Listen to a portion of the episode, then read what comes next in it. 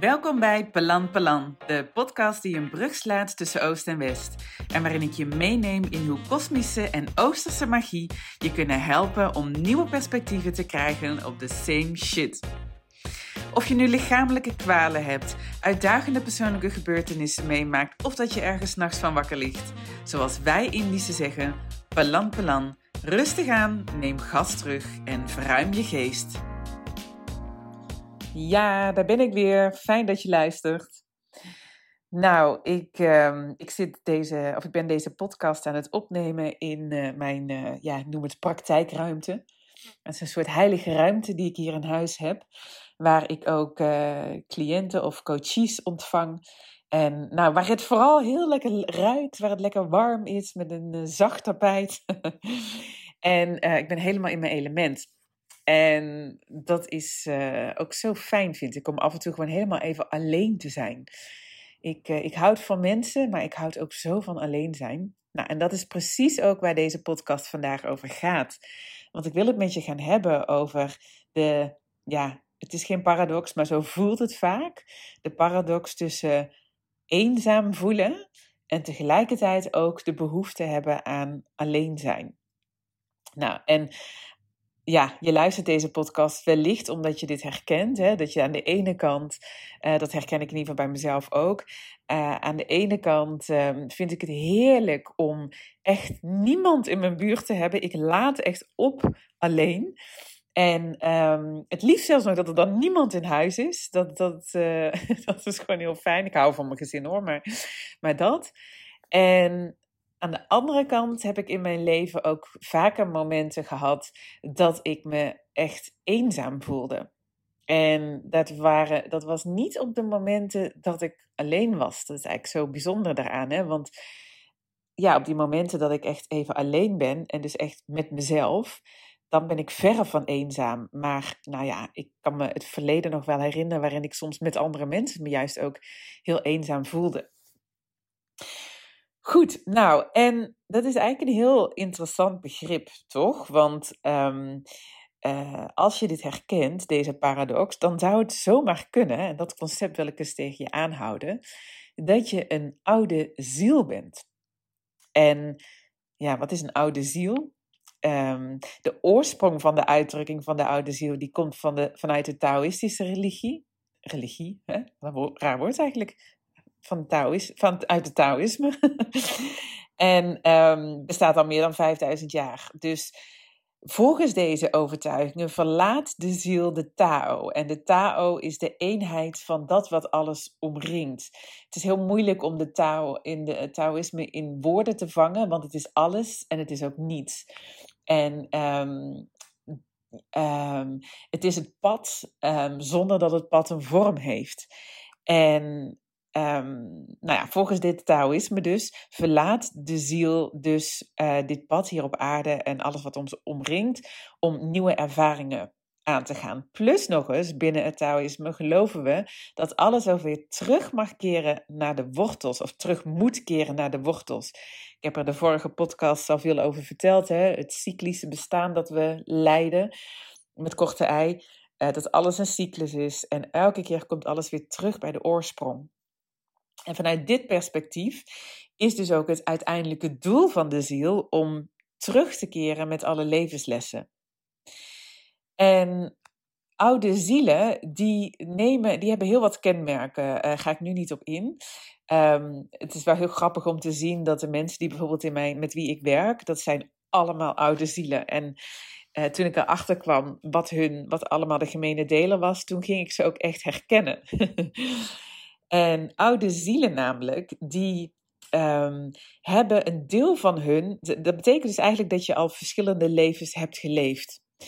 En verschillende levens hebt geleefd en hier op aarde opnieuw je levenslessen bent aangegaan. Maar af en toe met momenten dus ook dat gevoel van eenzaamheid kunt herkennen omdat jouw systeem niet begrijpt dat dat een soort verlangen en een herinnering is naar de bron of naar dat waar je vandaan komt. Want ja, dat is alleen al een filosofische vraag, toch? Waar we vandaan komen. Ik vind het heerlijk om daarover te filosoferen. En ook omdat niemand het antwoord heeft.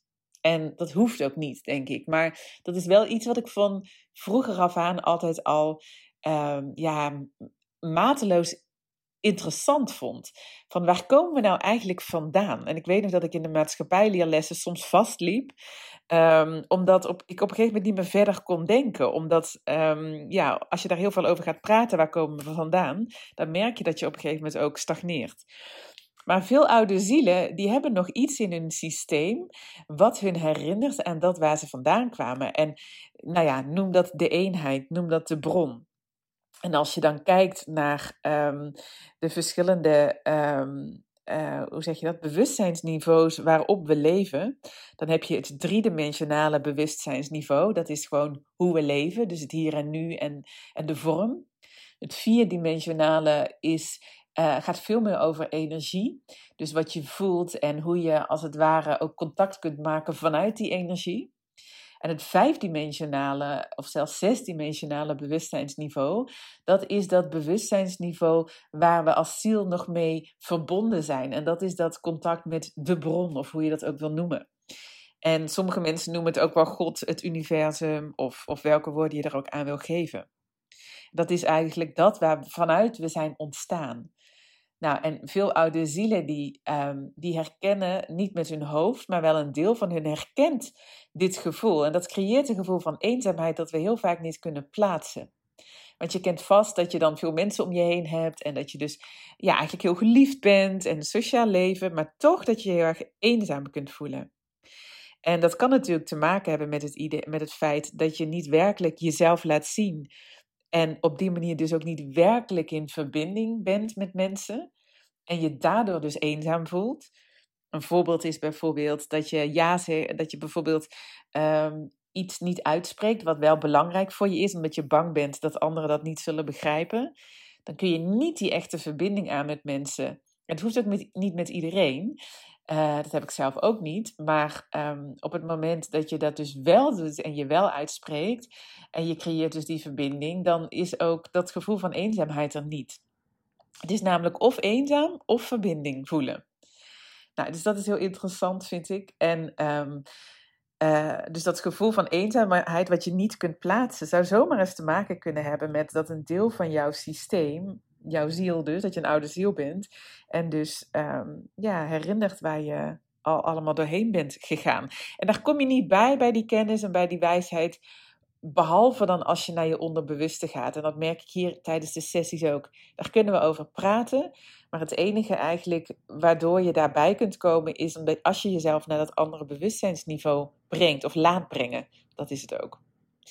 Aan de andere kant kan het ook zijn dat je juist heel graag alleen oplaat, omdat een andere kenmerk van die oude ziel ook is dat je um, van binnenuit de dingen wil beleven. In plaats van uh, van buitenaf, beredenerend. En het kan best zijn dat je voelt dat je veel in je hoofd zit, maar dat het verlangen is om veel meer alleen te zijn. En het verlangen is dan heel vaak om de dingen veel meer te voelen, om veel meer van binnenuit te voelen. Uh, wat belangrijk is. En je bent ook heel empathisch, je voelt anderen aan. Dus de grens is heel snel opgerekt.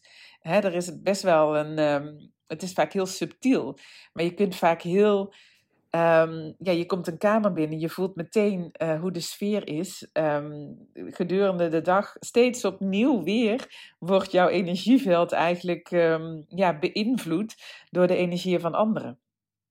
En dat is ook heel vaak de reden waarom we dus dat alleen willen zijn, verbinding met onszelf, voelen, al dat soort dingen, waarom we daarnaar verlangen. En dat is iets wat ik zelf in ieder geval ook herken dat is de meest moeiteloze manier om echt te, ja, even te landen. En eventjes, um, ja, echt gewoon even bij jezelf te zijn. Dus daarom kan het soms een paradox voelen. Hè, dat gevoel van eenzaamheid en toch alleen willen zijn. Maar het heeft eigenlijk dus gewoon hartstikke veel met elkaar te maken. Het is best wel interessant voor jezelf, uh, ten, vind ik, om te kijken, want wat, wat levert het je dan op? Hè? Dat je weet dat je, dat je een oude ziel bent, of dit is maar één kenmerken van. Of wat levert het je op dat je deze, deze paradox nou doorziet? Nou, dat kun je jezelf altijd afvragen, denk ik. Maar wat het mij oplevert, is die erkenning van dat we niet alleen mens zijn in het hier en nu, maar dat er iets is ja, in ons wat ons met de rest verbindt. En dat we allemaal een ziel zijn uiteindelijk. En dat we allemaal dit leven hebben uitgekozen om dingen te ervaren, om levenslessen te leren. En dat, verandert, dat, dat zorgt ervoor dat we heel vaak niet in het drama hoeven te blijven hangen, maar dat je het echt vanuit een ander perspectief kunt zien. Dus de boodschap eigenlijk voor deze um, podcast is ook echt uh, dat als je die gevoelens van eenzaamheid herkent, kijk dan eens voor jezelf van op waar uh, waar wil je meer verbinding mee? En soms is dat juist om je spiritueel te ontwikkelen, want dan voel je weer die verbinding met die bron.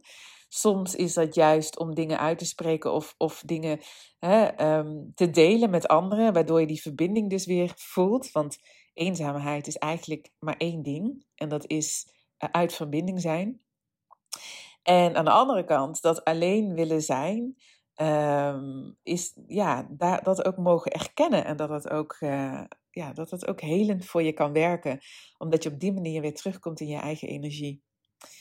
Goed, nou, ik um, ga meer podcasts opnemen over uh, de oude ziel, want het is waanzinnig interessant. En vooral ook als je kijkt naar, ja, als je echt helemaal um, gaat uh, voelen waarom en hoe het je kan helpen om in het hier en nu ook echt dat gevoel van vervulling te hebben.